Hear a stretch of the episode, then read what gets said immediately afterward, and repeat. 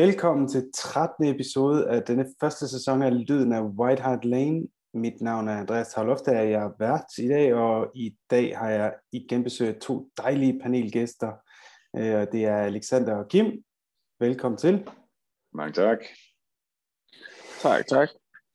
I dag skal vi selvfølgelig tale rigtig meget om Antonio Conte og hans første to kampe. Øh, vi skal tale om hans trebakkæde, eller fembakkæde, man vil. Vi skal tale om Skib og Højbjerg, vi skal tale om manglende mål, vi skal tale om karantæner, vi skal tale om Contes backroom staff, uh, Ryan Mason som førsteholdstræner, og spillernes reaktioner og de generelle sådan, udtalelser, der er fremme i medierne, øh, og den, hvad skal man sige, mentalitet, der er omkring Tottenham lige nu. Så er I klar til det? Åh oh ja. Helt sikkert. Godt, jamen så er det bare at komme i gang.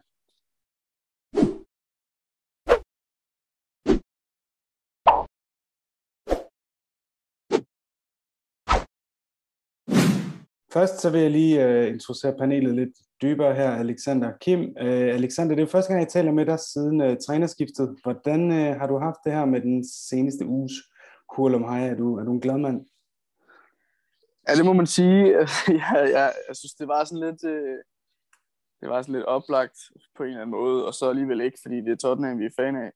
Øh, at efter en, en 3-0 mod United, så tænkte jeg, okay, nu er det nødt til at være nu. Der skal ske noget. Men jeg havde ikke regnet med, at det ville ske så hurtigt, at vi fik en ny træner, og slet ikke af den kaliber, som Conte han er. Altså jeg er sådan lidt, vi fyre nu, nu så havde jeg regnet med, at vi fik en, en Eddie Howe, eller en, hvad kan man sige, mindre træner, end, end lige Conte var. Så, øh, så jeg er meget tilfreds. Meget tilfreds, og jeg ved, jeg, jeg, jeg, jeg synes også, jeg kan fornemme på de sociale medier, at når øh, at man har fået overtalt ham ved at og, og ligesom love ham nogle ting, som de andre trænere måske ikke har fået lovet. Øh, så nu, hvis, nu, er, nu, er, nu er jeg spændt på at se, om Levi han holder det, eller om, eller om han bare har, har snydt ham. Ja, det bliver rigtig spændende. Vi skal selvfølgelig nok lave nogle transfer specials, når vi nærmer os januarvinduet. Øhm, jeg har hørt faktisk lige, øh, hvad hedder han, Fabrizio Romanos podcast i dag, eller var ved at høre den, øh, hvor de talte om, om trænerskiftet, og, og netop talte om det, at altså, det lyder ret, som ret bekræftet, fra flere kilder, at, øh, at han har basically fået lov, at hvis han siger, at jeg skal bruge den spiller til at vinde, så får han den spiller. Så det, du har fuldstændig ret, det bliver utrolig spændende at se, hvad, øh, hvad der sker, når, når, når det kommer til stykket, om, om Levi han kan, han kan ændre karakter på den måde. Øhm, ja. Kim, øh, hvordan, øh, hvordan har du haft det med Halloween og det hele? Jeg ved jo, at du går mægtigt op i det med at skære græskar og Ja, har du og børnene haft en god øh, Halloween? Jamen, det har vi. Og øh, som spørgsmål er man også nødt til at være vant til at blive lidt bange for, for hvad der skal ske. Så det passer Halloween jo fint ind i, kan man sige. Så nej, det har været fantastisk. Vi, øh, vi går højt op i Halloween herhjemme også, så det, øh, det synes vi altid er sjovt. Så øh, en masse glade børn på besøg, og en masse skræmmende udklædning og, øh, og udsmykning på huset, det er skide godt. Det lyder godt. Hvad, øhm, jeg tænkte lige, om vi skulle gøre lidt reklame for den tur, som du er med til at arrangere i THDK-gruppen på Facebook til februar Jamen, igen. Hvordan går det med tilmeldingerne? Jamen, det går faktisk rigtig fint. Vi har jo øh, to ture om året, sådan cirka. Øh, eller primært to ture om året, som, øh, hvor vi drager enten til London for at se Spurs på hjemmebane, eller vi drager til udlandet for at se Spurs spille i, øh, for det meste i Champions League, men ellers øh, nu har jeg desværre kun i Conference League. Og øh, den næste tur, vi har, den går til, øh, til hjemmekampen mod Southampton fra den øh, 8. til den 11. februar. For sølle 2100 kroner kommer man afsted sammen med os og en masse andre Spurs dedikerede fans. Øhm, og får øh, tre, tre overnatninger på Hotel National Royal, og øh, inklusive morgenmad og billet til kampen. Det er kun flyet, man selv skal stå for, og det er, så vidt jeg har undersøgt, sølle 149 kroner for en tur-returbillet fra, for for eksempel Bilund til, til London Stansted. Så øh, det glæder vi os rigtig meget til, endelig at måtte få lov til at, at komme ud igen, og vil selvfølgelig gerne have så mange som muligt øh, med fra både Tottenham Hotspur DK, men også fra, fra resten af det ganske danske land har man muligheden for at stadigvæk at join op med os og, og få lov til at tage med. Så det skal man endelig ikke, øh, endelig ikke holde sig tilbage med. Det lyder i hvert fald utrolig billigt, og øh, jeg håber da, at flybilletterne her fra Mallorca er lige så billige som, øh, som fra Danmark, for jeg skal, jeg skal også snart tage mig sammen til at se, om, om jeg kan få det til at passe sammen med det hele. Men tak med det. Eller tak for det, og øh, så tænker jeg, at øh, vi skal til at snakke lidt om Antonio Contes første to kampe som Tottenham-træner.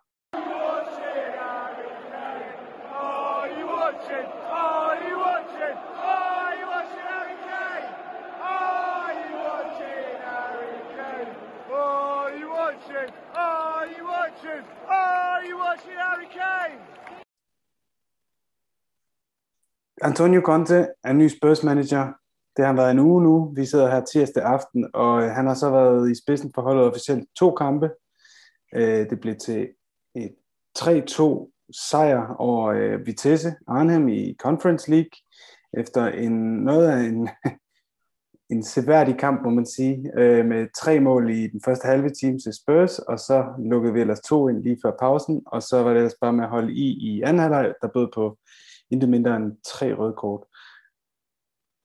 Og så i søndag, så var det så Everton på udebane, en svær start i Premier League, hvor Antonio Conte øh, stod i spidsen for et hold, der spillede 0-0. Han stillede samme startopstilling i begge øh, kampe, øh, og det var jo egentlig en ret Nuno-agtig startelver, med undtagelse selvfølgelig af, at Antonio Conte han har spillet med tre i nede bagved, øh, og dermed så har Ben Davis fået plads fra start på den venstre af de tre øh, i begge kampe, med ved siden af Dyer i midten og Romero til højre, og så med Reguilon og øh, Royal på flankerne, Skip og Højbjerg i midten, og så ellers Lukas Motor, Harry Kane og Son op foran. Og for, for et til, hvad skal man sige, øh, kopien fra den ene kamp til den anden, så var det de samme tre spillere, han skiftede ud i begge kampe også. Det var nemlig Son, Moder og Regilon, så på mange måder en sådan, hvad skal man sige, stabil start. Øhm, hvad øh, overordnet set tænker I, altså Alexander, hvis du ser de to kampe overordnet set, har du så set nogle tegninger til, at vi allerede nu er blevet et kontehold? Altså, det er, jo, det, er jo, det, er jo, det er jo tidligt at sige, at vi er blevet et kontehold allerede nu. Men jeg synes, at der var der er tegn øh, i begge kampe, på, øh, altså i, i perioder, hvor man kan se, at de, de, de ligesom ved det mere, og de er lidt mere motiverede. Men de mister det også bare nogle gange, lige så, fordi at det, så er det sådan, så når de har bolden i fem minutter i streg, hvor de spiller flot fodbold og sådan noget, så lige pludselig så mister de den, og så er det ligesom om de mister alt selvtilliden i fem minutter, og så kommer den, kommer den igen. Så det er, når de har bolden, så har de fint med selvtilliden, når de så mister den, så er det ligesom om de, sådan, de mister selvtilliden også, føler jeg. Og det, jeg, jeg Konte, han har ikke fået nok tid endnu. det er jo klart. Øhm, men det, det skal nok komme det skal nok komme. Han skal, han skal sgu nok blive en succes i Tottenham, det er jeg helt sikker på. Ja. Hvad, hvad, hvad mener du, Kim? Har du nogen anskuelser i forhold til, til om vi Jamen, altså, Jamen, det, altså, vi har jo ændret formation allerede, kan man sige, til, til hans uh, preferred uh, 3-5-2, 3-4-3, hvad man vælger at kalde det, efter hvordan de, de rykker sig på banen. Så det synes jeg allerede, at han har gjort sit, sit indhug i, uh, i hvert fald at få ændret noget, der ikke fungerer. Og det, det kan en formationsændring jo være, være det første skridt til, kan man sige. Øh, så er der introduktionen af, introduktionen af Davis, øh, som du selv siger, i, i den venstre side af, af de tre bagerste, øh, som jeg er meget, meget spændt på, hvordan det kommer til at gå. Jeg har aldrig rigtig haft fidus til ham, øh, og det kan sagtens være, at det er mig, den lægger ved, at han er en dygtig spiller, det er slet ikke det. Det kommer vi helt sikkert også til at snakke lidt mere om, ja.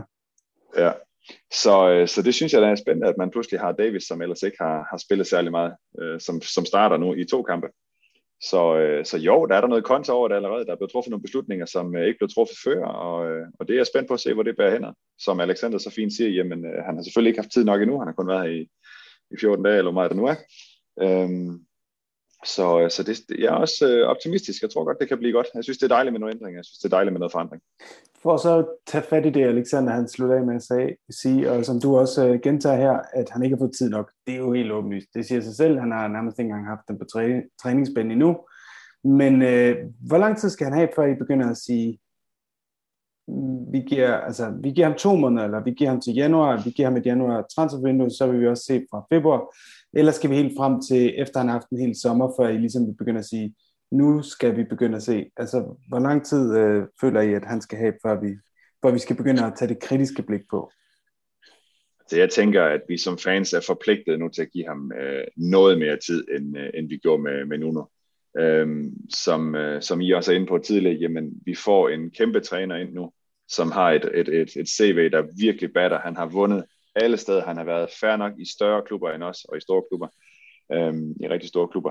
Men når nu vi hylder ham så meget, som vi jo både kan se øh, stemningen ind i Tottenham Hotspur.dk, men også kan læse i de internationale grupper og, øh, og diverse medier, hvor, hvor både journalister og, og fans øh, simpelthen hylder ham for at være den største træner, øh, eller den, en af de og, største og, trænere. Og spillerne.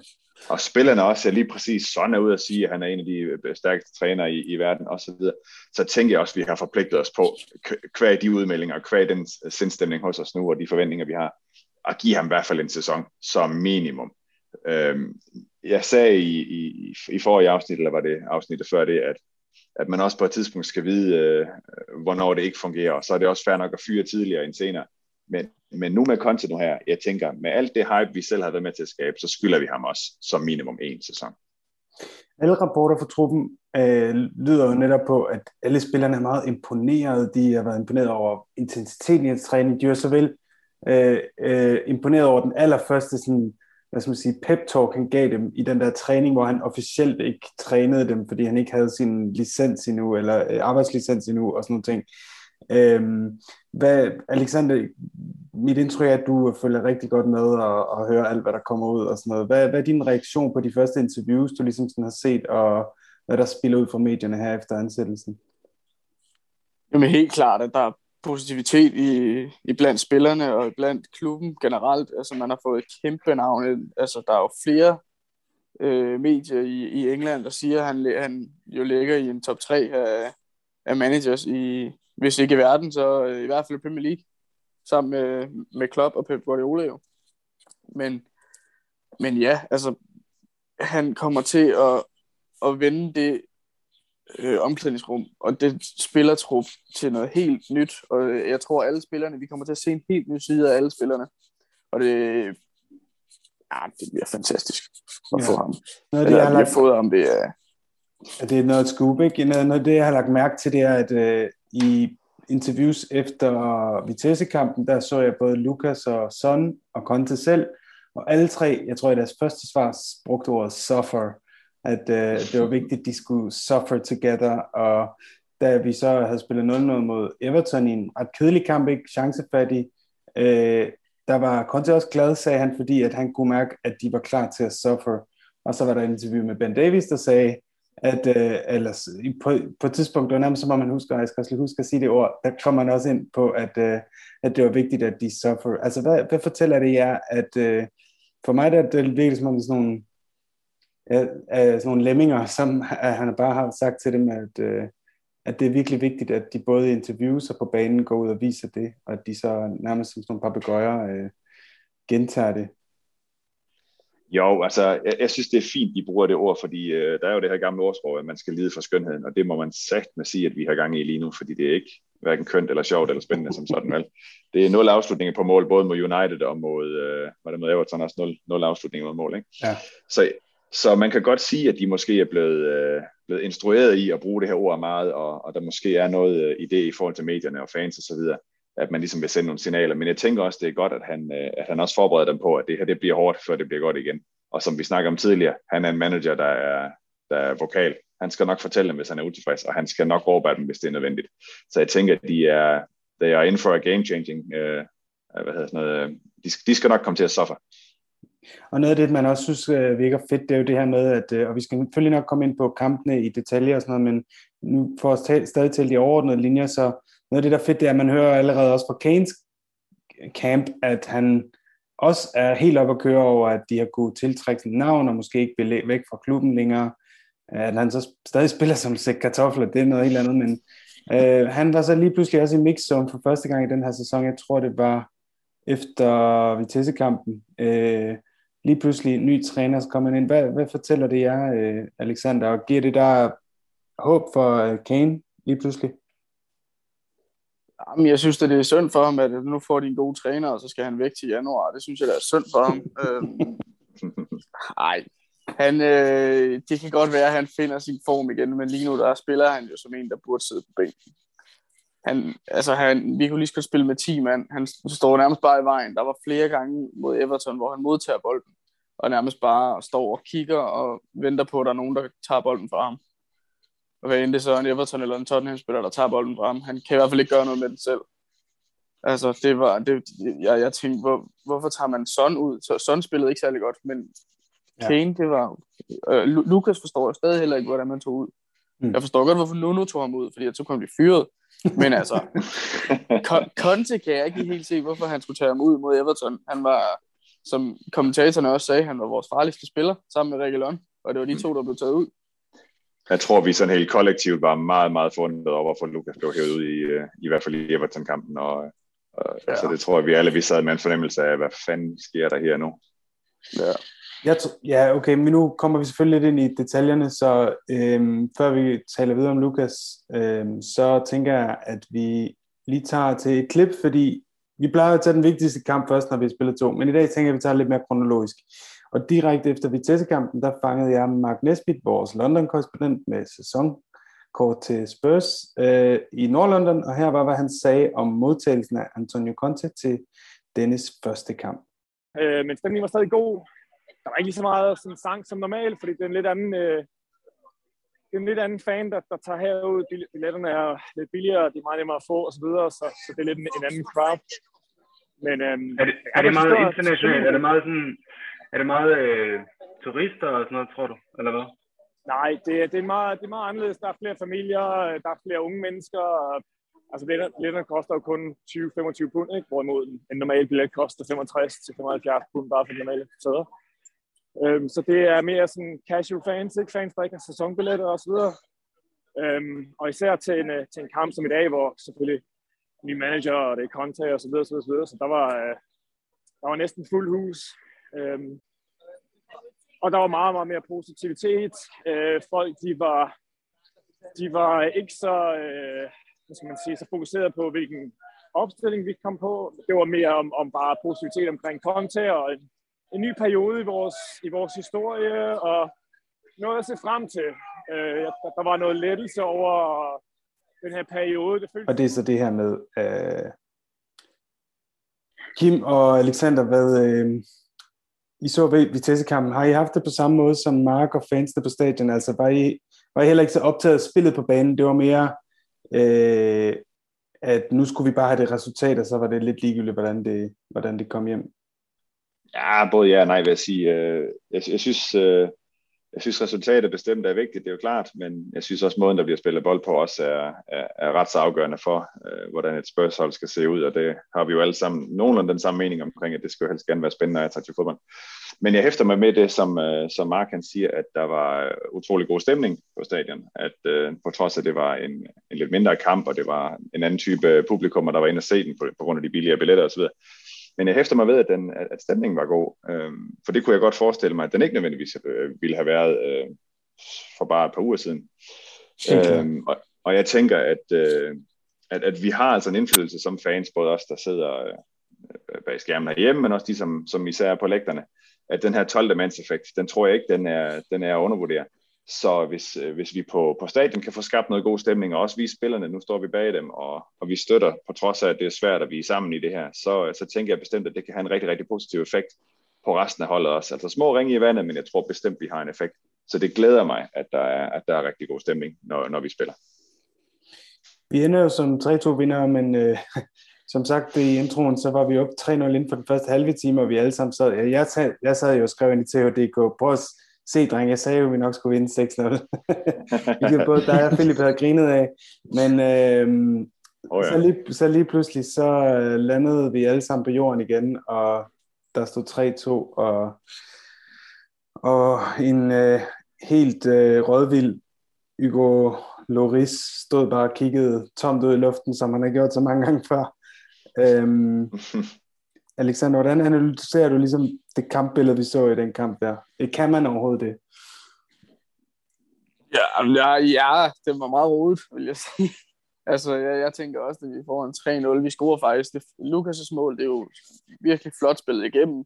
Jeg synes egentlig også, øh, lige trods, øh, trods øh, Ben Davis' afslutning på, øh, på selvmålet, der til 3-0, så var det også bare godt spillet. Det var godt, øh, at Rikke Lund, han spiller den ret hurtigt der, derind og finder Ben Davis. At han så rammer den så skævt, at den nærmest går hen til Kane, og der så bliver lavet et selvmål. Det er, det er jo, det er jo helvede, der er med os der, men, men sådan generelt, så synes jeg, at den første halve time, der spillede vi fint fodbold.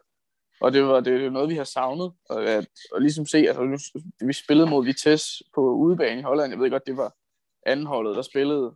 Øhm, men de spillede bare virkelig dårligt i den kamp, og det har de egentlig gjort i mange af de kampe i Conference League. Så altså, den første halve time der, den gjorde, der svævede jeg nærmest på lyserød sky, selvom det var Vitesse, vi spillede mod. Det var bare at se nogle flotte mål, og tre mål på en halv time. Det er længe siden, sådan har gjort det. Det er rigtig længe siden. øhm, noget af det, jeg også lagde mærke til, og som jeg tror er grund til, at netop selvmål og sådan nogle ting sker, det er, at vi virker til noget af det, han har fortalt dem, det er for folk i feltet. Og det, er jo, mm. øh, det kan godt være, at vi så ikke lykkes med at få så mange skud på mål mod Everton, det kommer vi tilbage til. Men jeg, jeg synes alligevel, at vi kommer i situationer nu, hvor man kan se, at der står 3-4 spillere klar. Ikke? Både, øh, både vingbakkerne kommer nu med ind, og en gang imellem tager Højbjerg løb ind i feltet, og selvfølgelig de tre forreste. Øh, og Kim, er du ikke enig i, at hvis, hvis det fortsætter på den måde, så, så som de får strukturerne på plads øh, på træningsbanen, så kommer der også til at komme masser af skud på mål, masser af chancer. Jo, det tænker jeg. Jeg er i hvert fald øh, positivt overrasket over de wingbacks, vi har, vi har sat op nu med, med Gelon og Royal. Øh, med alle de indlæg og, og så videre, de kommer med, hvor meget de bidrager med offensivt. Så det, det er overraskende positivt, synes jeg. Øhm, hvorvidt vi kommer til at bade i målchancer lige om lidt, det, det, det tænker jeg da, at, at det skal nok komme igen, for det har vi jo også været kendt for før, men men så skal vi ind, øh, og det ved jeg, det skal vi snakke om lidt senere, så jeg skal nok holde det kort, men så skal vi ind og snakke om vores midtbane i hvert fald, fordi jeg er ikke helt sikker på, at den fungerer i, i nuværende konstellation, som, øh, som vi har sat den op nu med, med Skipper Højbjerg. Men øh, jeg, er, jeg er positiv, må jeg sige. Øh, jeg tænker, at det, der, er, der er noget godt på vej nu, men, øh, men det skal også føres til dørs. Vi kan ikke, Øh, vi kan ikke bare tro, at det hele det kommer bare fordi kontaen er der. Spillerne skal også ville det, og som jeg sagde før, vi skal også blive ved med at holde en god stemning på stadion, så vi er nødt til at bidrage alle sammen. Godt, så øhm, lad os komme tilbage til Ben Davis, for vi har et spørgsmål. Altså, som vi snakkede om, så spillede han 90 minutter begge kampe, og en vis Mads Tavloftager, han spørger, bliver Ben Davis en stjerne under Conte? Synes han var overraskende god i går, og det var så efter Everton-kampen, og hans forståelse for både at spille bak og midterforsvar giver nogle interessante situationer, øh, når han går med frem. Øh, jeg vil gerne tilføje til det også, at han har jo ekstremt meget øh, erfaring med at spille for Wales øh, i netop den position, og det nævnte han også selv i sit interview efter, mm. efter 0-0 kamp mod, mod Everton. Øh, plus at han nævnte i det interview, at han, øh, han havde fået at vide af Conte allerede, at, at de skulle tage løb med frem, og vi så jo, at han kom i feltet og, og var til nogle chancer. Hvad, hvad, hvad tror du, Alexander? Tror du, at øh, er du optimistisk omkring Davis med det her formationsskifte og hans position? Altså jeg vil sige, at jeg er klart mere optimistisk ved at have ham som en venstre centerback i, øh, i et tremandsforsvar, end jeg er ved at have ham på en venstre bak i et firmandsforsvar.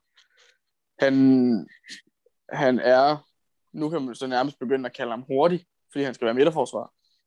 Det er, det er alligevel imponerende. Det troede jeg aldrig, nogen skulle sige øh, i sammensætning som Davis. Men altså, ja, jeg synes også det, du siger med hans erfaring, og han har prøvet det før i, øh, for Wales og sådan noget. Det, han, han giver jo noget andet til holdet, fordi han ligesom har den der erfaring. Han er også anfører nogle gange, når det er, at vi ikke har andre spillere på banen. Øh, men altså, det der med, når, de, han, når de 10 andre mangler, så er han anfører. Ja, det er nemlig. Men, men, men, men, men det der med, at han, han normalt er venstre bak, så det der med, at han godt kan gå med frem og sådan noget, det var det, vi også fik i, i Fatongen dengang. Ikke fordi jeg vil sammenligne ham med Fatongen, det skal slet ikke være det.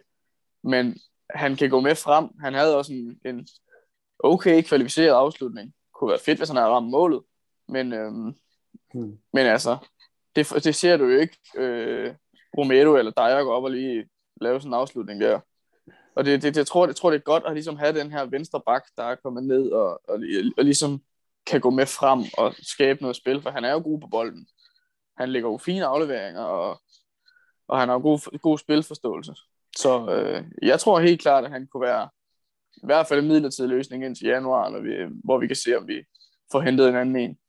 Men det er vel også derfor, han, Ja, undskyld, det, det, jeg tænker mig, det er vel også derfor, han er valgt til at spille i, i den venstre side, kan man sige, med Dyer på midten, som er lidt mindre, lidt mindre boldspillende. Ikke? Altså Romero og, og Davis kan godt lægge nogle afleveringer, og som du selv er inde på, Alexander, han har skudt godt skud, Davis, det har vi set før. Han har, han har ikke ramt så meget, men han har sat med hugget et par stykker på overlæggeren, kan jeg mindes, i, i nyere tid. Ikke? Øh, så han kan jo egentlig godt, øh, når, når han skal bidrage den vej også. Men så jeg han, tænker bare, ja undskyld. Jeg vil bare sige, så har han det samme, lidt den samme, det samme trademark som, øh, som Doherty, selvom han ikke kommer lige så meget med frem, så kan han godt lide at lave det der løb i kanalen mm. øh, mellem fløjen og, og den centrale akse øh, og skabe et overtal, ikke? Hvad vil du sige? Nej, men jeg tænker bare, at han bliver, trods, han bliver 29 til april, Davis, så i forhold til, hvorvidt han er en kommende stjerne på det her hold, det, det, det tror jeg simpelthen ikke, han er.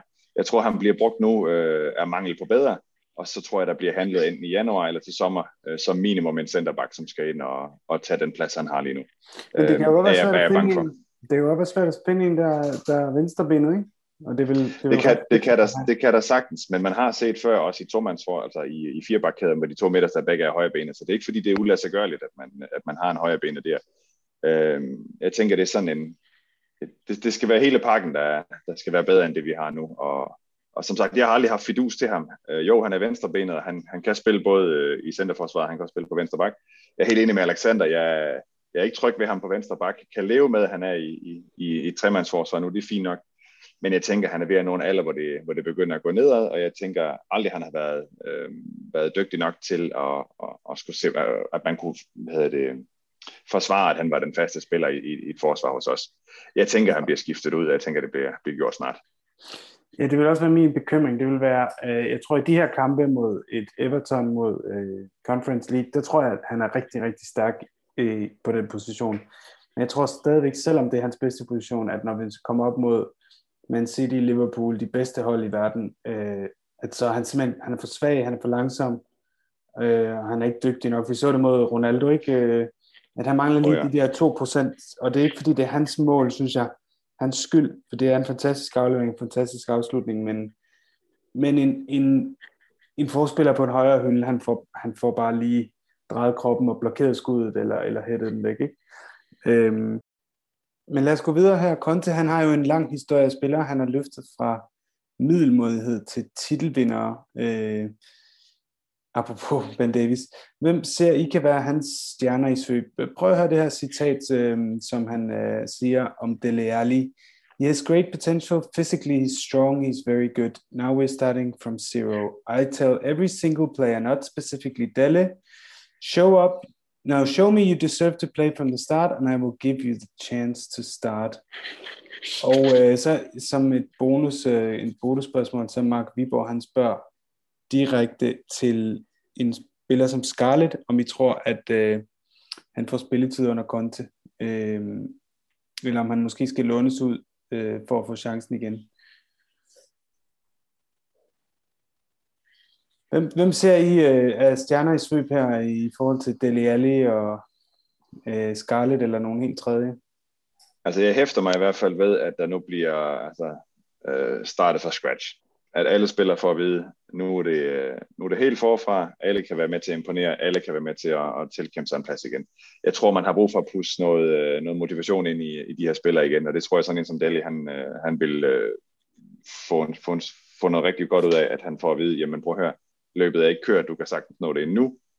Jeg har tillid til, at, at hvis du bare gør det godt nok, kæmper hårdt nok, viser mig, at du kan, så får du også lov til at spille. Øh, det tror jeg, mange af de her spillere, de har behov for, især som vi har snakket om i nogle af de tidligere afsnit med den her opdeling af A- og B-holdet, altså første hold og anden holdet, at øh, Kane er en sikker starter, og man kunne næsten forudse øh, de tre næste kampes øh, start 11, alt efter hvilken turnering vi spillede i, fordi man vidste, hvem der spillede i Premier League, og man vidste, hvem der ikke spillede i, i Conference League. Øhm, det er helt sikkert. Øhm, så det tror jeg, det, er, det kommer til at gavne hele holdet. I forhold til stjerner i Søb, jeg kunne sagtens se Dele Alli få sit comeback. Øhm, han kan godt. Det har vi set før. Vi har set ham spille ordentligt før. Hvad fanden der foregår med ham lige nu, det synes jeg sagde, det er svært at sætte en finger på. Men der er et eller andet øh, over ham stadigvæk, at øh, jeg tror, han har det endnu. Men han, om det så er de forkerte managers, eller Mourinho's øh, Dele Alli's brother talk, eller, eller hvad der er, der har, der har kastet ham af hans game, det skal jeg ikke kunne sige, men, men jeg tror, han har det nu, og jeg tror sagtens, han kunne få et comeback. Han er stadigvæk ung, øh, modsat Davis for eksempel, og, øh, og har mulighed for at, at indhente det tabte. Det tror jeg simpelthen på. Og så, så var han jo famøs for at være en scorende midtbanespiller, og, øh, eller hængende angriber var han dengang. Nu er han blevet lidt mere en midtbanespiller, ikke i mange øjne. Øhm, og Kon, vi ved, at Conte gerne vil have mål for sine midtbanespillere, så, så jeg er enig med dig. Alexander, har du nogen, du vil fremhæve?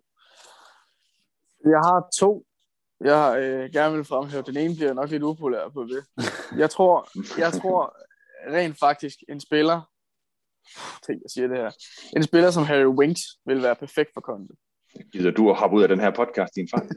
Hvad er det der for jamen, noget at sige? jamen, jamen, men, men det værste, det værste, det, det værste er, at jeg er ikke meget for at sige det, men jeg tror virkelig, at han ville kunne gøre et eller andet under Conte, hvis han bare får tæsk nok. Hvorfor, hvorfor tror fordi, du det? Fordi han ligesom er den der, som han også har sagt i et interview, han er en Tottenham-mand. Han bløder Tottenham. Mm. Hvis han bare lærer at spille fodbold, så, kunne det jo, så, så, er jeg, så er jeg sikker på, at han vil blive en fantastisk midtbanespiller under Conte. En anden spiller, jeg så vil sige, det er en, vi ikke har set særlig meget til, men som passer perfekt ind i Contes system, Ryan Sessegnon. Kan han holde sig skadesfri, så tror jeg, han vil være fantastisk i den her. Og jeg, oh, ja. han har jo været øh, venstre ving før. Han kan finde ud af at score også. Det er en af de her venstre, øh, venstre vingbakker, der kan finde ud af at score.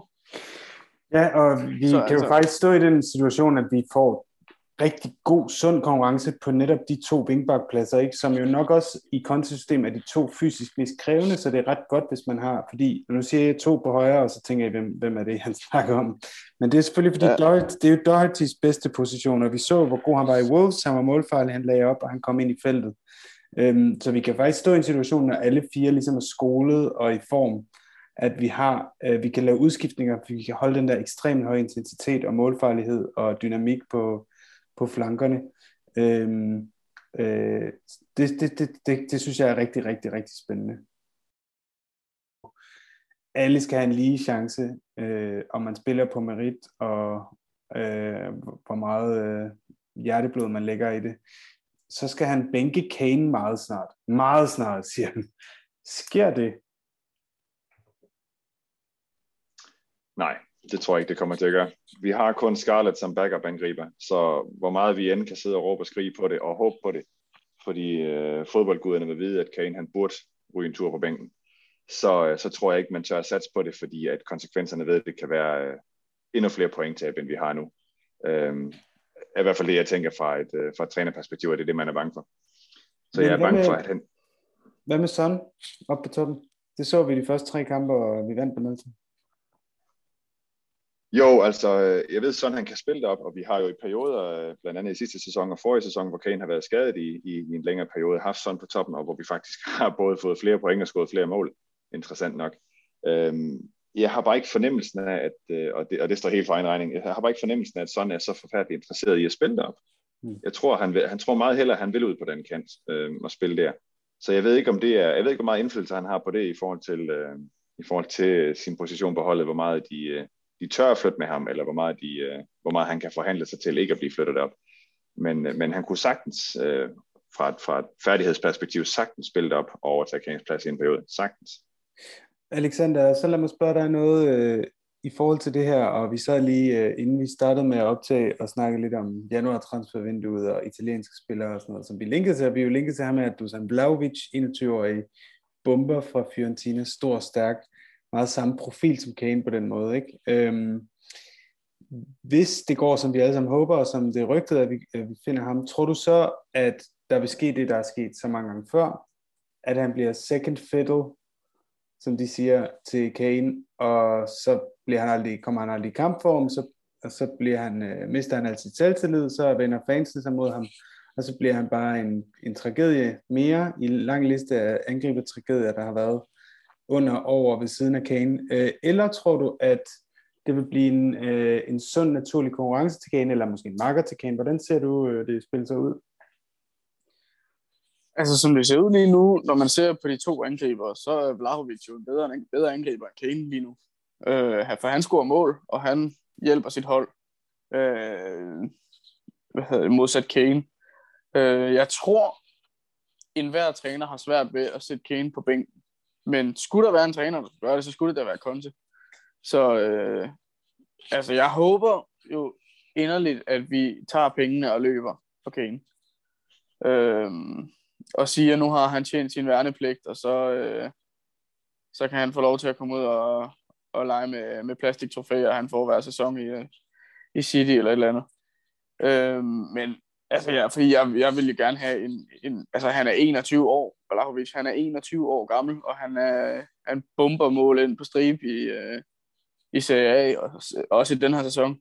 Så jeg synes, at det vil være et frisk boost for Tottenham at prøve noget nyt. Ja, og jeg hørte i, uh, i, uh, i før omtalte podcast med, hvad hedder han, Here We Go podcasten, mm. øh, at, øh, at Lavrovic har sagt til Fiorentina, at han vil ikke forlænge sin kontrakt, så den udløber til sommer. Og dermed så, øh, de har sat en pris på 60-70 millioner for ham. Hvad, hvad tænker du om det, Kim, i forhold til det her med, hvis det behøver ikke være Vlaovic, men hvis vi får en anden angriber ind, øh, hvordan tror du så, dynamikken kommer til at blive mellem ham og Kane? Øh, det er jo et godt spørgsmål, men jeg tænker, at vi har en oplagt mulighed her, når nu vi har fået et systemskifte, hvor vi nu spiller 3-4-3, 3-5-2, hvordan man vælger at, at bruge den. Øh, fordi jeg har, jeg har i længe tænkt, at, øh, at det sidste succesfulde makkerpar i angrebet, vi havde, det var Adebayor og, og Defoe, øh, som jo blandt andet spillede i, i Harry Redknapps, øh, ikke Harry Redknapps, men i hvert fald spiller det i en 4-4-2, ellers så skiftes de til at spille. Øh, og det tænker jeg da i hvert fald nu her, at man, øh, man har en gyld mulighed for igen, jamen sæt for eksempel Blahovic ind sammen med Kane, så kan han komme lidt i mesterlærer hos Kane, hvis man kan kalde det det efterhånden. Øh, men i hvert fald komme ind og spille samtidig med Kane og have muligheden for det. Øh, så bliver Kane ikke, øh, ikke bænket, så er træneren måske glad, fordi det er, det er nemmere at holde ham på banen, end det er og, og ikke at gøre det, øh, som det er lige nu. Øh, samtidig med, at Blahovic også, som du selv er inde på, kommer i kampform, får muligheden for at spille sammen med det, der måske stadigvæk er en af verdens bedste angriber. Øh, måske ikke, men har i hvert fald muligheden for at, at spille samtidig med Kane. Jeg tror ikke, det vil være noget, øh, noget dårligt match at få en, få en lidt anden type ind ved siden af Kane. Vi har også nogle kommentarer og spørgsmål, der går på formationen, øh, som vi har været lidt inde på, men øh, før vi kommer til dem, så lad os høre en bid med Mark igen. Han var nemlig også taget den lange vej til Everton i Liverpool i søndags, og her var, hvad han havde at sige om øh, den kamp. Det, så det vidste jeg ikke før, men det er den samme, den samme, den samme sang, som den samme gamle White Hart Lane. Det er meget, øh, meget det samme som, man skal sige, uh, layout. Øhm, men men sådan lige lidt ældre end White Hot Lane var, så det er sådan med, med trægulv og rigtig gamle mursten og alt sådan noget. Så den, den, den ser gammel ud, den ser slidt ud, og jeg kan godt forstå, at de vil have den i stadion, og det så også vil bygge og så videre, men, men ja, det, det skal opdateres. Det er gammelt og slidt, synes jeg. Ja. Øh, og de får kun Karling derinde, altså. altså, der, der, øh, det, var, det var stadigvæk 3-4-3, øhm, og, og defensivt, så ser det sådan, så, sådan ser det okay ud, øh, men altså, vi havde ikke nogen skud på mål igen. Øh, offensivt, der, der skal vi helt sikkert have meget, meget mere, øh, meget mere mm. træning. Øh, selv med, med tre, altså vores, vores bedste tre angriber, ikke? Ja, jeg synes, øh, men jeg synes, jeg synes Skipper Højbjerg er det et problem. Det er virkelig et problem. Det var så Mark her, det var en lille bid, der kommer en bid mere senere, men øh, er I enige omkring det her med Skipper Højbjerg, det, det er for et problem, og det er med til at, at hvad skal man sige, begrænse vores øh, kreativitet. Hvad tænker du, Alexander? Ja, både og, fordi at jeg føler også, at hvis, hvis man skifter en af dem ud, så mister vi, mister vi lidt det defensive, fordi alternativet vi har, det er en Dombele eller Celso, som jeg har sagt før, de gør ikke nok defensivt til, at de kan spille på en tomands midtbane så skal det være, fordi han skifter over til en øh, 3-5-2 og spiller øh, Son og Kane alene op på toppen, og så øh, Skib og Højbjerg og en eventuel kreativ midtbane. Men så kommer vi til at mangle Lukas Motors øh, øh, eksplosivitet og fart. Øh, så jeg synes, at lige nu der skal vi have Skib og Højbjerg. Øh, og ellers så skal vi finde en, en, en midtbanespiller, der kan begge ting i, øh, i, i, i transfervinduet.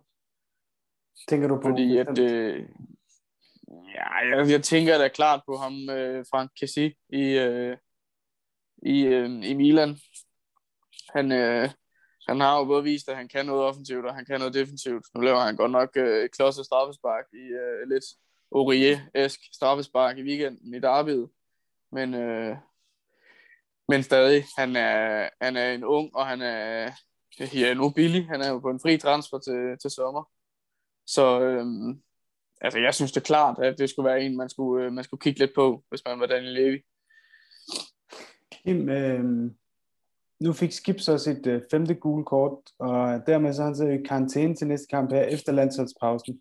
Øh, Mark Viborg, han spørger, øh, hvem skal så tage Skips plads, nu hvor han har karantæne?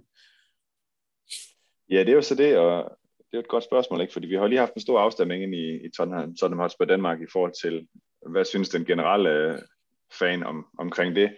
Og, og jeg stemte selv og kunne se, at langt de fleste var enige med mig i, at man gerne vil have en Dombele ind ved siden af, af Højbjerg der. Øh, og men Alexander har helt ret i en tomands midtbane, så, øh, så skal man være meget, meget påpasselig med, hvad man sætter ind ved siden af, fordi vi har behov for at have balance i det defensive.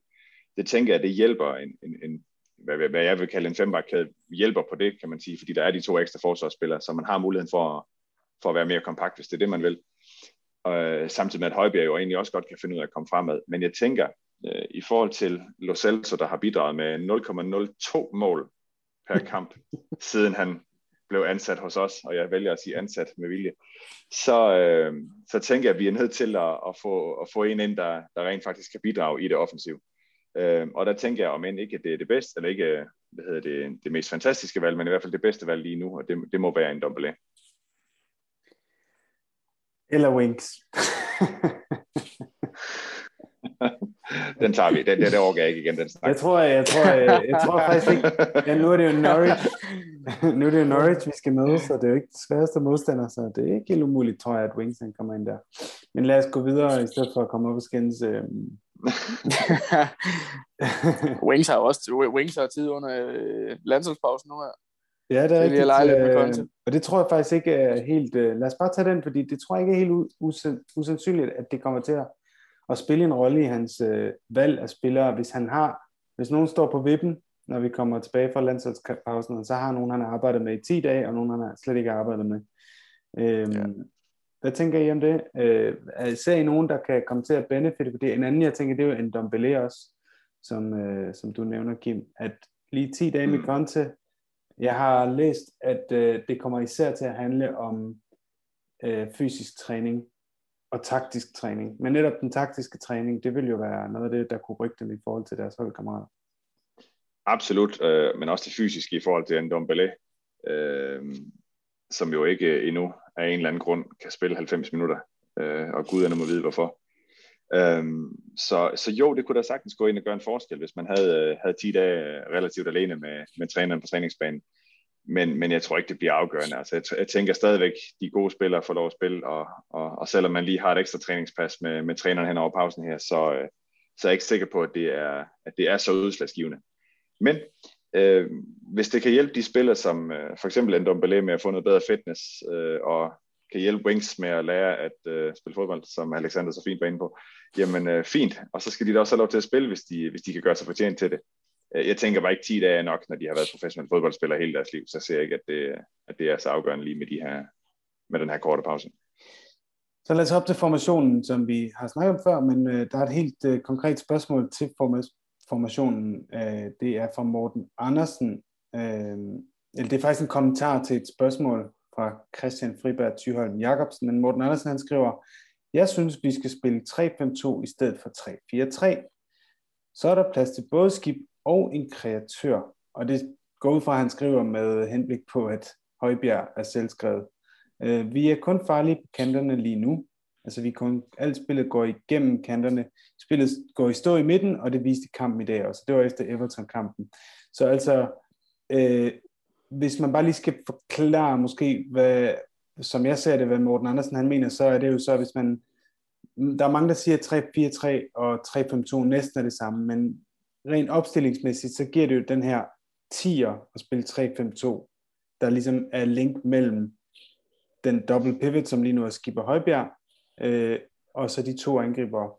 Øh, hvad tænker I om, om Morten Andersens idé? Skal vi, skal vi håbe på, at han går ud fra en 3-5-2, så vi kan få nogle Lo Celso, Ndombele, øh, Deli Alli-typer i spil, frem for Hill, øh, Morda, Bergwijn, dem der er lidt mere, hvad skal man sige, fløjspillere. Hvad tænker du om det, Alexander?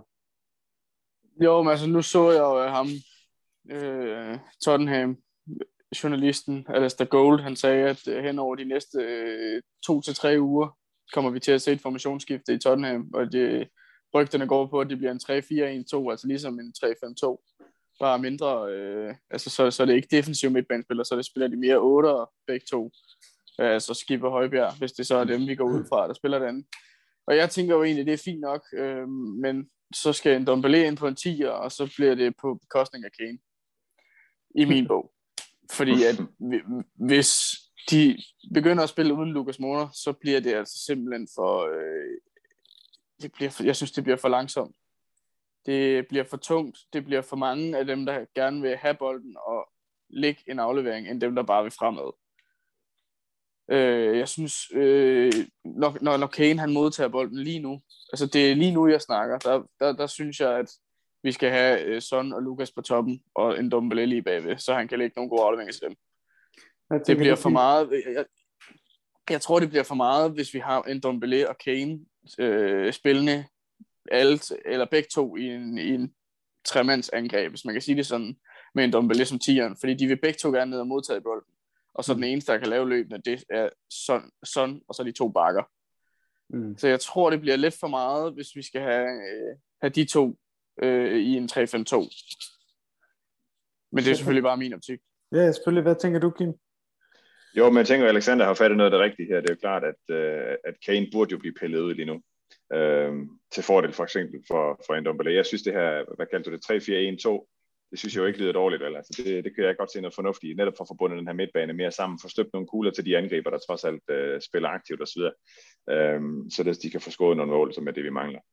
Øhm, jeg har ikke det store problem egentlig med at tage Lukas ud, fordi øh, igen, Alexander har helt ret. Han bidrager med noget eksplosivitet, han har noget fart, han, øh, han bryder med linjerne, han får, han får skabt noget, men han løber lige så tit ind i, i ingenting heller. Der går lidt lameller i den nogle gange, hvor han så øh, dribler rundt med den for meget, i stedet for at få afleveret.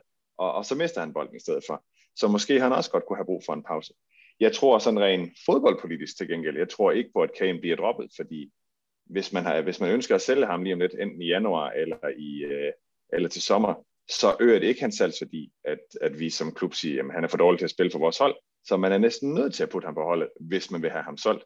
Øh, så på den konto, så er vi sådan lidt fanget i limbo, fordi vi kan ikke, vi har brug for at droppe ham, men vi har også lidt svært ved at, ved at få noget positivt ud af at droppe ham, øh, hvis vi gerne vil have ham solgt. Og det tror jeg, man vil. Jeg tror, han er på vej væk. Jeg tror ikke på det her rygte med, at, at nu er Conte kommet til, og så pludselig så har Kane abandoned all his hopes of a, of a move. Det, det tror jeg ikke på. Hvorfor, hvorfor skulle det være sådan lige pludselig, fordi man får en træner ind, som, som er lidt højere kaliber end alle mulige andre. Øh, jeg tror stadigvæk, han vil videre, og jeg tror stadigvæk, han vil vinde nogle trofæer, inden han bliver alt for gammel. Øh, og, og det kan man jo også sådan godt undre ham, men øh, så, så jeg tror, der er flere aspekter i det. Men nej, jeg kunne sagtens se, hvad hedder det, øh, 3-4-1, 4, 1, 2, og så, øh, og så få skiftet lidt ud, ud med, ud med Lukas måske, eller ud med Kane for den til skyld, ind med en Dombele, og, og så prøve at skabe noget, noget andet, end, end det vi skaber lige nu. Er der så en idé, nu kommer jeg med en helt vild tanke her, simpelthen bare acceptere, at Kane han ikke længere er 9'er, men han er en 10'er. Han er tilbage i 10'er-rollen, hvor han var som ungdomsspiller. Så vi spiller han decideret som tier med Lukas og sådan foran ham. Det synes jo. jeg lyder øh, godt. Men så kunne man lige så godt have en Dombele ind, i stedet for Kane. Fordi at en Dombele, han, altså han ligesom, øh, Lukas kan ligesom skabe noget ved, ved, han står med bolden, og så kan han skabe noget på et splitsekund, selvom man tror, at chancen er væk mm. ved at han laver et eller andet vildt, øh, en vild finte eller et eller andet, så ser man det på Twitter øh, flere måneder hen, ej hvor er det flot lavet og sådan noget. Ikke? Altså Kane, det er jo ikke så meget det, han, øh, jeg synes, der var en episode mod Everton, hvor han modtager bolden på midten, og han kigger ligesom rundt, og ser faktisk bare forvirret ud. Og så bliver han bare løbet ind i og vælter, og så får de bolden. Og jeg, jeg har aldrig nogensinde været så sur. Det var ligesom at se Doherty spille fodbold. Det var, jeg fik virkelig Doherty vibes af at se det. Men kan det, det var, ikke lige så godt være, kan det ikke lige så godt være ikke så meget hans manglende evner, men måske mere nyt system og manglende medspillere, der, der er til rådighed? At han bliver fanget i, i et ingenmandsland, hvor, hvor der ikke er nogen at spille til. Jeg tror i hvert fald, at, at vi nok, jeg tror i hvert fald nok, Conte skal få, få en helt en kæneopblomstring til at ske. Men jeg synes, det er interessant også at se, om han enten vil prøve at genopfinde ham lidt, ligesom Mourinho gjorde, eller om han vil, øh, eller om han vil bænke ham nogle kampe for at ligesom sige, prøv at høre, du er ikke selvskrevet, du skal, du skal levere. Mm. Lad os gå videre til trebakkæden, fordi vi, vi må gå ud fra, og alt snak går ud fra lige nu, at Conte han holder sig til den her trebakkæde, uanset hvordan formationen så ser ud længere frem på banen. Øh, og nu har det så været øh, Davis, Dyer, Romero de første to kampe. Romero fik så rødt kort mod uh, Vitesse, og så der bliver vi jo nødt til at se øh, nogle, uh, en rotation, en ny komme ind der. Hvem, hvem kunne I godt tænke, hvis starter der, hvem kunne I godt tænke jer se på den højre, hvis vi går ud fra, at han holder sig til Davis, Dyer og så X? Jeg tænker umiddelbart, at det, det er nødt til at være Sanchez. Øhm, jeg er ikke imponeret over, over Roden endnu, og Tanganga spiller sådan lidt op og ned. Altså, nogle gange så spiller han fantastisk, og nogle gange så spiller han som den ungdomsspiller, han stadigvæk er. Så jeg tænker, den med absolut mest erfaring, og som også kan bidrage med noget fart, hvis man skulle med frem, som, som han jo åbenbart forlanger af, af de to til, til siderne for, for dig i midten, at så har vi også brug for en med, med Sanchez's uh, speed, og ja, så jeg tænker, det bliver ham. Tænker, så er vi også nødt til lige at, vi er nødt, vi er nødt til lige at tænke på, at hvem modstanderen også er. at Vi skal ud og møde Mutter. det, er, det er altså Mutter, han, han går glip af Romero. Jeg har slet ikke, jeg håber slet ikke, at det var i planerne, at han skulle, skulle starte den kamp, uanset hvad. øh, kunne du godt tænke dig, at han spiller sig? Jeg håber lidt, han stiller med øh, pff, Dyer og Tanganga og Rodon. Og øh, hvis vi så lige skal lave, vi lavede den her for nogle uger siden, hvis vi lave, skal lave en bench start sell, hvis vi skal sige det på den måde. Altså lidt ligesom fuck, Mary kill, så får I tre navne her, så skal I bænke en, I skal starte en, I skal starte en, og I skal sælge en øh, her til januar. Og jeg giver jer Joe Rodon, Davinson Sanchez og Jaffet Tanganga. Jeg tænker umiddelbart, at øh, og det, det kommer til at klinge hul lige efter, at de anbefaler, at han skulle starte den. Så tænker jeg måske, at vi skal til at sælge Sanchez. Øh, vi gav 42 millioner for ham, 42,5 tror jeg faktisk endda, øh, for nogle år siden, og, og vi kan jo alle sammen blive enige om, der er ikke rigtig kommet det ud af det, vi havde håbet på. Øh, så er det måske bedre at håbe på, at enten Roden eller, eller Tanganga kommer, kommer op i gear, øh, eller at man får købt en ny på et tidspunkt. Men øh, hvis vi skal sælge en ud af dem, så, så tænker jeg, så er jeg nødt til at sælge Sanchez. Det er også ham, der giver flest penge. Øh, og så skal vi bænke øh, Tanganga, og så skal vi prøve at have, have Roden ind. Som Alexander, jeg er, du, er du enig, Alexander? Ikke helt. Jeg, øh, jeg ser mere, at vi, øh, vi bænker Rodon, og så øh, starter Tanganga.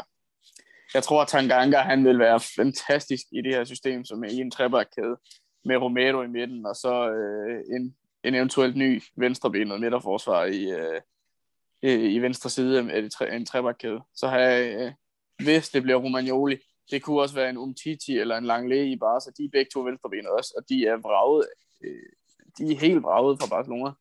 Øh, så de kan også blive hentet for en pose øh, Haribo-slik. Altså, de, øh, men altså, så ser man, får man et venstrebenet øh, midterforsvar, spiller Romero i midten, og så tager Ganga ud til højre, så tror jeg altså, det kunne blive et rigtig, rigtig godt forsvar. De er, øh, hvis man finder en ung venstrebenet midterforsvar, så er det et ungt forsvar, som man kunne have i lang tid.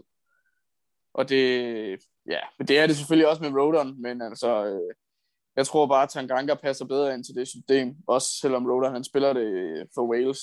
Jeg tror bare, at Tanganga er mere den der øh, trebakkæde øh, man kan slags sige, midterforsvar. Man kan sige, at Tanganga har det, som netop Davis også ser ud til at have, at han er, han er egentlig, han er både midterforsvar og vensterbak, og derfor så passer den her position, som er sådan lidt halv-halv.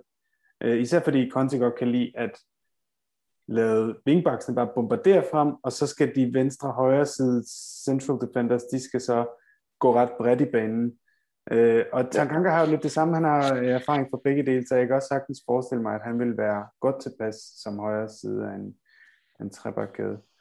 Øh, jeg tror også, jeg vil sælge Sanchez, og så, men lige nu, baseret på de øh, kampe, jeg har set, så synes jeg klart, Joe Rodon tyder på at være den mest stabile øh, sikre øh, forsvarsspiller. Altså, jeg synes, der virker til at være klart lavest fejlmarked med ham. Jeg synes, han har rigtig godt fodarbejde. Jeg synes, han er rigtig god til, også når han er på venstre side, til at vende kroppen og skabe vinkler til at aflevere frem i banen, selv i svære positioner. Øhm, så øh, han er også allerede på et valiske landshold. Men lad os gå videre, øhm, fordi noget andet, der har været skrevet meget om her siden Everton-kampen, er manglen på ikke bare mål, men skud på mål. 227 minutter i ligaen uden et eneste skud inden for målrammen. Giovanni Lo Celso, han ramte træværket, men øh, det tæller ikke. så øh, lad os lige høre, hvad Mark han havde at sige om offensiven, og hvordan han observerede spillerne. Det var ret interessant, da jeg snakkede med ham efter Everton-kampen. Han havde nemlig nogle ret skarpe observationer på deres kropsprog. Vi har mistet selvtilliden. Mm. Når, man er, når, man, når, man er, når man er i forsvar, så er det nemmere, og man behøver ikke så meget selvtillid, men når man skal op og, og, og angribe, og man skal være lidt kreativ, og så skal man skulle bruge den der selvtillid til at gå ud og, og, og udtrykke sig på banen. Ikke? Og, og det havde vi bare ikke i dag. Altså, det var selv Son, da han øh, kom på banen efter halvlejen, han sådan hovedet nede, og da han gik af banen igen, han hovedet nede, og Kane hovedet nede, og så Lukas, han havde sådan hætten oppe på sin, på sin øh, uldjakke, eller på sin dunjakke, da han gik af banen der er fuldtid og sådan noget. Der, der, der, der er en, en, en, en eller anden fornemmelse af, af lav selvtillid, og vi er ikke... Øh, ligesom om vores, vores angrebsspillere, de, de føler ikke, at de skal, at, at, at de scorer, når de går på banen. De kan se, hvordan den måde, Lo Celso, han tog det der hjørne på, ikke? det var så ringe, men, men den måde, han bevægede sig på hans kropssprog, øh, var så negativ. Han, han er, jeg tror, de er stressede. Jeg tror, de er vant til at under, øh, underyde og, og ikke og, og, så, og så bliver vi op på skrædder af os som fans, ikke? Det gør vi, vi står deroppe og gør, fucking Men når man er lidt øh, stresset, og man er, man, man er sådan lidt angst, ikke? Ja. Det var så Mark efter øh, vores øh, London-korrespondent øh, med sæsonkort, der var i Everton og havde nogle observationer om vores angrebsspillere og deres kropssprog. Du, du er pædagog, og du kender ligesom til angst og kropssprog og sådan noget. Er du enig med Mark i, at det godt kan komme til at tage lang tid for dem at, at komme ovenpå igen? Absolut. Øhm, som vi talte om tidligere, det her med, når Conte går ind og siger til Dali, prøv at høre, nu starter vi alle sammen for, for, for, en, for, en, for en frisk start, og vi har alle sammen muligheden for at spille os ind på holdet igen. Det er det, vi har brug for. Der er en helt klar og tydelig forskel på, på selvtillid og på selvværd. Øhm, selvtilliden er ligesom den her skal, vi har, vi har rundt om os, som ligesom øh, beskytter os fra, øh, fra den modstand, vi møder. Og så er der selvværd, som er hele vores øh, værdisæt og vores øh, syn på egen værdi osv. Øh, jeg tror helt klart, at de her spillere, de er, de er ramt på selvværd. De, de, de kan nok have noget selvtillid nu, de kan sagtens finde ud af at spille fodbold, men i samme de skal træffe beslutninger, altså resolute beslutninger i, i presset eller stressede situationer, som man jo gør på en fodboldbane så, øh, så svigter modet dem, og så, øh, og, og, så, og så går det galt, fordi man kommer til at træffe en mindre god beslutning, end man ellers ville have gjort, hvis man havde været mere selvsikker og mere rolig osv. Som Alexander inde og, og, og snakker om tidligere, jamen Kane modtager bolden, står pludselig og, og kigger ud i luften og, og får ikke gjort noget ved det. Han mangler evnen til at være resolut, han mangler evnen til at træffe en beslutning, øh, en kvalificeret beslutning. Og, øh, og det, det tager bare tid at arbejde med, fordi øh, selvtillid, det, det kan du opbygge med det samme. Så roser vi lidt her, og vi roser lidt der. Øh, og så kommer selvtillid nok tilbage igen. Men, øh, men selvværd, det, det kræver en, en ordentlig portion anerkendelse. Og, øh, og, og det tager altså bare noget tid at få arbejdet ind, fordi det er en del af ens, hvad kan man sige, kerneværdi, ens, ens syn på ens egen, øh, ens egen værdi. Øh, og, og det kan være rigtig svært at bygge op igen, især hvis man er langt nede i det. Hvad, øh, hvordan tror du så, det skal løses, og tror, altså, sådan, hvordan tror du, Conte vil gå til opgaven, og, og og hvor lang tid skal vi forvente, at det tager ham? Er det, er det til januar? Øh, er det december? Er det først næste sæson? Altså nu må vi jo formode, at Conte ikke har den store pædagogiske uddannelse bag sig, kan man sige. Men, øh, og jeg er ikke fodboldtræner uddannet, så jeg ved ikke, hvordan det er strikket sammen, hvor meget, øh, hvilke teknikker de sådan gør brug af. Men han er jo inde på noget af det rigtige, øh, i forhold til, som jeg også har nævnt et par gange, at starte fra scratch og give spillerne mulighed for at starte op igen. Øhm, det vi har brug for, det er en, det er en, en, en længere række af succeser. Både spillerne individuelt, at de oplever succes i deres øh, spil, at de oplever succes i jamen bare det at lægge en god aflevering, eller score et mål, eller at holdet som, øh, som helhed også har succes, at der er en synergieffekt, at det de gør, det virker, de skal opleve, at det fungerer, der er det, øh, i, pædagog, i pædagogisk sammenhæng, der kalder vi det et fælles tredje, at man er sammen om noget, der, der gør en stærkere, eller man er sammen om noget, der, der klikker og virker. Øh, og, og det skal vi have en længere række af, sådan så det begynder at tanke op på den her selvværdskonto. Øhm, hvorvidt det så tager til januar eller tager til næste sommer, det er umuligt at sige for, for en som mig, der, der er så meget på sidelinjen. Øhm, der skal man have næsen indenfor i omklæderne, man skal have næsen indenfor i træningspas, og man skal have næsen indenfor i, i de individuelle samtaler, han har med spillerne. Og spillerne imellem os, for den sags skyld. Men, øh, men vi har set i fodboldverdenen, at det kan gå hurtigt. Altså vi siger gerne, øh, øh, hvad hedder det, formes, øh, is uh, hvad man siger, temporary og class is permanent. Ikke? Og vi har jo klassespillere, det er der ikke nogen tvivl om. Mm. Men, øh, men det bølger en lille smule op og ned. Så jeg tror sagtens, det kan vende tilbage øh, for heller før en, eller før en tiden. Ikke? Godt. Lad os øh, runde de her to kampe og Conte start som manager af med at se på kampen spiller i hver kamp. Øh, Kim, øh, hvem, øh, hvem synes du var kampen spiller i Vitesse? Så kan jeg fortælle om, om vores øh, THDK-kollegaer, eller hvad skal man sige, fælles fans, de var enige. Jeg, øh, jeg stemte personligt selv på, på Royal som værende den, øh, den bedste i den kamp. Jeg synes, han, øh, han bidrog rigtig meget offensivt, samtidig med, at han også var, var relativt stabil øh, defensivt. Øh, han imponerer mig mere og mere, og jeg synes, vi har gjort et rigtig godt køb, nærmest et scoop i at få ham fra Barcelona. Vi har været så heldige med, at de har manglet penge mm. øh, i alt deres egen saga øh, nede i Spanien. Um, så ham er jeg virkelig ved at være imponeret over. Øh, han er der ikke helt endnu, men, men jeg synes virkelig, at han, øh, han bidrager rigtig fint på den højre bak, og ikke kun i Vitesse-kampen, men jeg synes, han gør det, han gør det generelt. Han vandt også på THDK med 228 stemmer, og det var næsten det dobbelte af nummer to, Lori. Loris? Ej, jeg kan aldrig sige det navn rigtigt. Men øh, Loris, han fik 118 stemmer, og øh, jeg tror faktisk personligt, at Loris vil være min... Jeg synes, han stod en fantastisk kamp, og det var interessant at tænke på, at vi var ret presset, da det stod 3-2 i anden halvleg, og øh, jeg tror sgu, hvis, øh, hvis det var Golini, der havde stået, så tror jeg ikke, vi havde fået tre point med for den kamp der. Øh, hvad så, øh, Alexander? Du får lov til Everton. Hvem, øh, hvem synes du var kampens spiller mod Everton? Ja, jeg vil jo egentlig sige, at det var, øh, i min optik, at det, var det Reguilon, der var, øh, der, der gjorde det rigtig, rigtig godt. Emerson gjorde det også godt. Øh, jeg synes, Lukas har nogle, nogle, nogle, nogle farlige... Øh, han har nogle farlige ting, han gør. Altså noget, noget igen det der med, med hans eksplosivitet, og der er virkelig, der, der, det er ligesom om, der sker noget hver eneste gang, Lukas har bolden.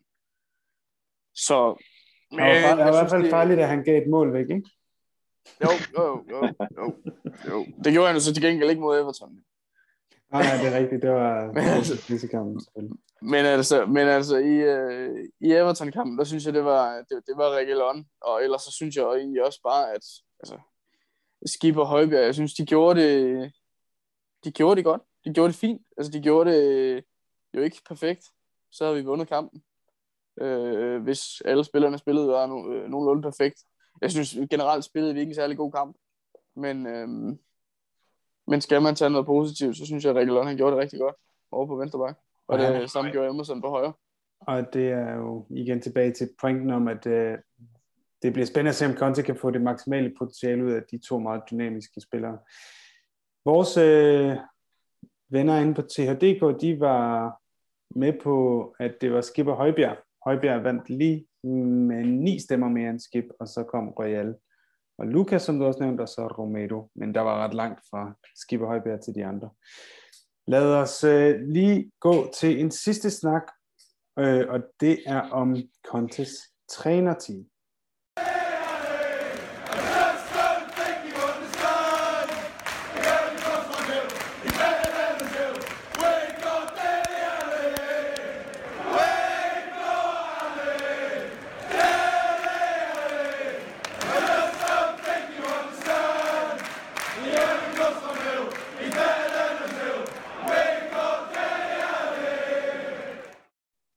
Hvis vi så skal se lidt på Conte uden på banen, så har vi jo øh, så har vi hørt øh, flere rapporter sige, at spillerne elsker Conte, som vi snakker om, og han kom for sent, en time for sent til et pressemøde, fordi han kørte spillerne så over til træningen. Øh, det har vi været lidt inde på, at øh, det er fedt at mærke, at spillerne er så meget ombord af, noget af det første, han også gjorde, det var at ansætte Ryan Mason som first team coach, altså førsteårstræner, og det, øh, det lader til, at det også var ret populært hos spillerne, som han jo både har trænet og spillet sammen med nogle af dem også. Hvad, øh, hvad synes I om det i forhold til Ryan Mason? Han, er, han bliver i klubben og er så tæt på Conte. Jeg tænker, det er et rigtig godt træk. Hvad hedder det? Ryan Mason er uhyggeligt populær, både blandt os fans, men også i klubben blandt spillerne og så videre. Man forsøger at skabe den her, øh, og vi jo ikke en arbejderklub mere, men det er lidt den samme stemning, man forsøger. Han er en af vores egne, og han øh, har været i klubben hele sit liv, fra han var helt ung, og, og, og, og er vildt populær og, og, og velanset i klubben, var også øh, relativt populær som spiller, men han aldrig nået at, at, at få sit fulde potentiale ud. Så jeg tænker, man forsøger at skabe en stemning i og omkring klubben, at vi, øh, vi passer på hinanden, og vi holder sammen i det her tygt og tyndt, og alle de her værdier, og, øh, øh, som, er, som er vigtig for at kunne opbygge det, som vi talte om før, med, med at opbygge et, øh, et, øh, en selvanskuelse, hvor vi, øh, hvor, vi, hvor vi er stolte af os selv, og vi er stolte af, hvilken klub vi spiller for osv. Så man kan få den her arbejdsomhed og passion for klubben, som, øh, som vi måske har manglet lidt på det sidste. Så jeg tænker, det er et rigtig godt træk. Og så er Ryan Mason, øh, uden at jeg helt specifikt ved det, sikkert også en rigtig dygtig træner. Jeg forestiller mig, at han faktisk øh, han har nogle evner, som, øh, som rent faktisk kan bruges. Så det er en, en, det er en win-win for mig. Hvad, Alexander, han var jo linket til måske at få et managerjob. Jeg tror, det var et managerjob. Jeg tror, det var i Charlton. Øhm, havde det ikke været, hvad, hvad synes du havde været bedst for hans udvikling? Fordi det lader jo lidt til, at han er en, der har en stjerne hos Levi og kommer til at komme enten til at blive i klubben, eller komme tilbage til klubben i fremtiden. Ikke? Øh, havde det været bedst for hans udvikling at, at få managerjobbet i et andet sted, eller at ligesom blive, som det så nu er blevet, øh, højre hånd til Conte? Jeg tror, det er et perfekt øh, træk fra ham, og øh, ligesom blive, øh, blive øh, hvad hedder det, højre hånd til, til Conte og ligesom, ligesom lære det. Jeg tror også, at klubben, uden jeg ved det, øh, selvfølgelig ved jeg ikke det, jeg har ikke lige snakket med Levi på det, på det sidste, men, øh, men jeg tror måske, at klubben de ser det som en, en, en fremtidig investering. Nu øh, udvikler man Ryan Mason måske ved at, at give ham i hvert fald som minimum halvandet år i trænerstab sammen med Antonio Conte og hans øh, hvad hedder det, italienske venner. Og, øh, og så kunne han jo eventuelt fremtidig være en, være en Tottenham-træner, en, en, altså, en spiller, der har været i, øh, i Tottenham og har været i klubben længe. Måske hvis han får lidt mere trænererfaring og sådan noget, det kunne han få under Conte, så kunne han få et, øh, et andet job øh, i, i mellemtiden, efter, efter han har været sammen med Conte, kunne han få et, øh, et, et trænerjob i netop, øh, i netop øh, Charlton eller en, en mindre klub. Og så kunne han eventuelt, hvis han får succes der og bliver viser sig at være en fremragende træner, kunne han være en potentiel Tottenham-træner i fremtiden. Hvem ved? Han er ung. Han er jo kun 30 år eller sådan noget. Godt. Det bliver interessant at se, hvordan Mason han, øh, hvordan han klarer sig, og øh, i øvrigt følger hans karriere i mange år. Han er kun 30 år, det er helt vildt at tænke på. I forhold til de andre, så har vi jo fået en masse italienere ind, som er fuldt med Conte, øh, og jeg synes, der er nogle meget sjove øh, historier om dem. Øh, den høje, som vi alle sammen har set på sidelinjen ved siden af Conte, viske ham i øret, det er Christian Stellini, og han skal han er hans ægte højre hånd, og det har han været igennem mange år, og det er ham, der kommer til at lede holdet øh, fra sidelinjen, når Conte med garanti får karantæne for at råbe og skrige og øh, kalde dommeren grimme ting på et eller andet tidspunkt. Øh, så er der også en video øh, analyse, jeg ved ikke, hvad man kalder en analytiker, hedder det på dansk. Det er Antonio Contes egen bror, Gianluca Conte, og han øh, er ja, til synligheden så Conte-typen, der får spillerne til at se teamvis, altså han kan finde på at sætte dem til at se to timers video. Øh, det er jo meget interessant i forhold til, at øh, mere moderne trænere og moderne klubber, Brentford og sådan noget, de, de, øh, de giver jo ikke øh, spillerne mere end 15-20 minutters video ad gangen, fordi at de simpelthen ikke kan koncentrere sig længere ifølge sådan den moderne videnskab. Øh, men der er Conte altså lidt mere af den, af den gamle skole, og øh, tror ikke på det. Han, øh, han, han pumper dem bare, øh, både den fysiske træning, men også i, i, i hvad skal sige, den analytiske træning. Kim, hvem, hvad, hvad tænker du om det her med, at Conte på den måde er den gamle skole? Øh? Jeg tænker, at halvdelen af det er rigtig godt, og den anden halvdel er måske lidt mindre godt. Øh, I forhold til den fysiske træning, så tænker jeg, det er fint, at man får pumpet noget, øh, noget arbejde ind i dem, og, giver dem noget muskelmasse, og noget udholdenhed, noget stamina, som guderne må vide, at en dumbbell mangler. Øhm, så på den konto, der synes jeg, det er fint, at man bliver lidt mere rå og lidt mere back to basics og, og lidt mere old school. Sørg for, at de, øh, at de altså lærer at arbejde for, øh, for, øh, for minutterne. Og det synes jeg sådan set er fint. Det tror jeg, det kan vi få rigtig meget ud af. I forhold til det her med at sidde og pumpe to timers video ind i hovedet på folk, det er, det er bevis for, for mange år siden i, i, i udviklingspsykologi og, og læringsaspekter osv., at det fungerer ikke. Vi kan ikke øh, du, du, kvaliteten af det, du, øh, du lærer, den, den falder drastisk efter bare 20 minutter. Øhm, så det skal man være meget, meget påpasselig med, hvor meget man sidder og pumper ind i folk, for det er netop noget af det her, der kan virke demotiverende. Hvorfor skal vi da sidde og glo på det her i to timer? Vi er pisse trætte, og de sidder og piller bussemænd, eller sniger en telefon op og går på Facebook i stedet for. Øhm, det kan være med til at demotivere dem og, have, og, og, og, og sørge for, at de har manglende forståelse for, hvad skal det her gøre godt for. Og det er jo det sidste, vi har brug for lige nu, det er, at spillerne de slår ud med armene og siger, hvad, hvad fanden, hvad er det her for noget? Hvad gør det godt for? Er der en pointe med det? Vi har brug for noget forståelse og noget, øh, og noget gennemsigtighed i, i, øh, i, i den træningsmetode, man bruger og så videre. Også i, i det videomateriale, man bruger bagefter. Så man skal passe på med at sidde og, og køre dem trætte med, med ekstra antal timers øh, video. Heller, heller kvalitet end, end kvantitet. Godt. Jamen, jeg, jeg havde samme øh, tanker selv, da jeg, da jeg hørte det, men øh, jeg kan, godt, jeg kan på en eller anden måde godt lide tanken om Kane, der, der sidder og to timers video af sine egne afleveringer. Ja, oh, ja. Så endelig er der det ældste medlem, Gian Piero. Jeg så et fantastisk tweet fra The Fighting Cock, hvor, øh, hvor de skrev, Why the hell, no, since, since when has my nan been part of the coaching team? Fordi han, han ligner den bedste mor.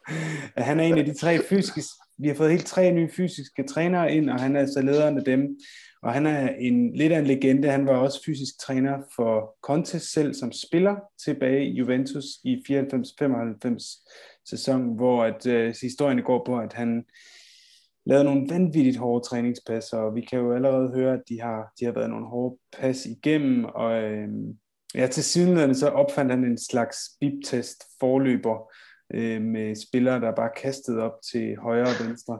Øh, Alexander, Alexander, når du kigger på vores, øh, hvordan vi går døde i kampene, og hvor, hvor, hvor, hvor, hvor gumbetung nogle af dem ser ud, så er det vel lige præcis sådan et regime her, vi har brug for, som Kim siger også.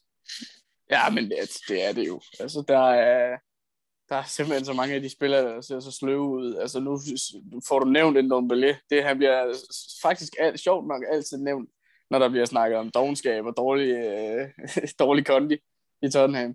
Men altså, jeg synes, øh, sådan en som Lo Celso, han begynder at også at se tung ud, når han kommer ind. Han kommer ind og spiller 20 minutter, og han er ikke i en sprint. Hmm. Han øh, lunder lidt rundt, og kan ikke finde noget at sparke et hjørnspark, og lidt, ah, men altså, han, øh, han er også ved at være sådan lidt, han er rigtig god for Argentina, men han så trækker den, den helt hvide trøje over, øh, over hovedet, så synes jeg sgu ikke, der kommer noget fra ham. Der er også mange indlændere, øh, der er efter Højbjerg, og måske er der en forbindelse mellem, at han var aller, allerbedst de første halve år under Mourinho, da han kom fra et Ralf Hasenhudel regime, som også er højintenst. Og nu har han ja. så under Mourinho og Mason og Nuno faldet en lille smule i, i kvalitet. Men jeg synes også noget af det, han ligner, han mangler, det er den der mobilitet. Ja, ja altså det gør, det, det, det, det gør han da. Øhm, men det, det, som du også siger, det kommer helt an på, hvilken træner han har, og hvilket system han skal spille i. Fordi at man kan have øh, en så så god kondi, eller altså en vanvittig kondi, ligesom Kanté i Chelsea har. Men altså, hvis, hvis man ikke skal bruge, at han skal løbe rundt hele tiden, øh, så er der ingen grund til, at, øh, at han har en, en bedre kondi. Så det kommer helt an på, hvilken måde træneren vil spille på. Nu så jeg så, at, eller, nu så jeg så på Twitter, jeg ved ikke, om det er noget, der er, der er hold i, men at øh, Conte, han havde sendt øh, ekstra øh, træningsprogrammer til, øh, med videre med, med alle dem, der er ude på landsholdspause. Ja. Så de skal, de, de skal træne ekstra, øh, ud over det de, det, de træner på landsholdet, fordi at, øh, de skal også træne noget af det, han det her, de skal træne. Det er mega fedt. Det synes jeg også, det synes jeg også er fedt. Altså, det er sådan, det skal så kan, være. Ja, så får de lige at vide, altså, hvor, øh, nu er der kommet ny, nu er der altså andre boller på suppen, nu skal I til at, at stramme lidt an og, og få, noget, få noget hår på brystet. Jeg er italiener, jeg øh, der, der skal kun være fodbold med passion og pasta. Altså. Præcis. der er sådan her afslutning af, hvor meget italiensk mad har I lavet her, siden Conte han blev ansat? er det bare ja, pasta og jeg, pizza? jeg ved snart ikke, hvad dansk mad er mere. Nej, jeg tænker også, at jeg holder mig til min, øh, min gode gamle sovs og kartoffel. Det er mere mig, du. Jeg, ja. jeg er jo sønderjyde, skal du forstå. Jeg skal have, jeg skal have min medister. Jeg skal have min medister og, og min, en og min halvvarme, min halvvarme stokshøl. Og dit kaffe. Og sauce. Ja, rigtig sauce. Drenge, det har været en fornøjelse. Tusind tak, fordi I ville uh, snakke med mig i dag. I lige måde, og selv tak. I lige måde, og tak fordi vi måtte så, være med. Selv tak, og så er der bare tilbage at sige, at uh, det er landsholdspause. Vi er tilbage muligvis med en uh, optag til kampene efter landsholdspausen, og ellers så må I følge os på Facebook og på Twitter. Det er som altid snabelag lyden af WHL. Uh, og så er der bare tilbage at sige, Up the Up Spurs! Ej, den skal I lige arbejde på. Mit navn er Andreas Tavloftager, og vi høres ved.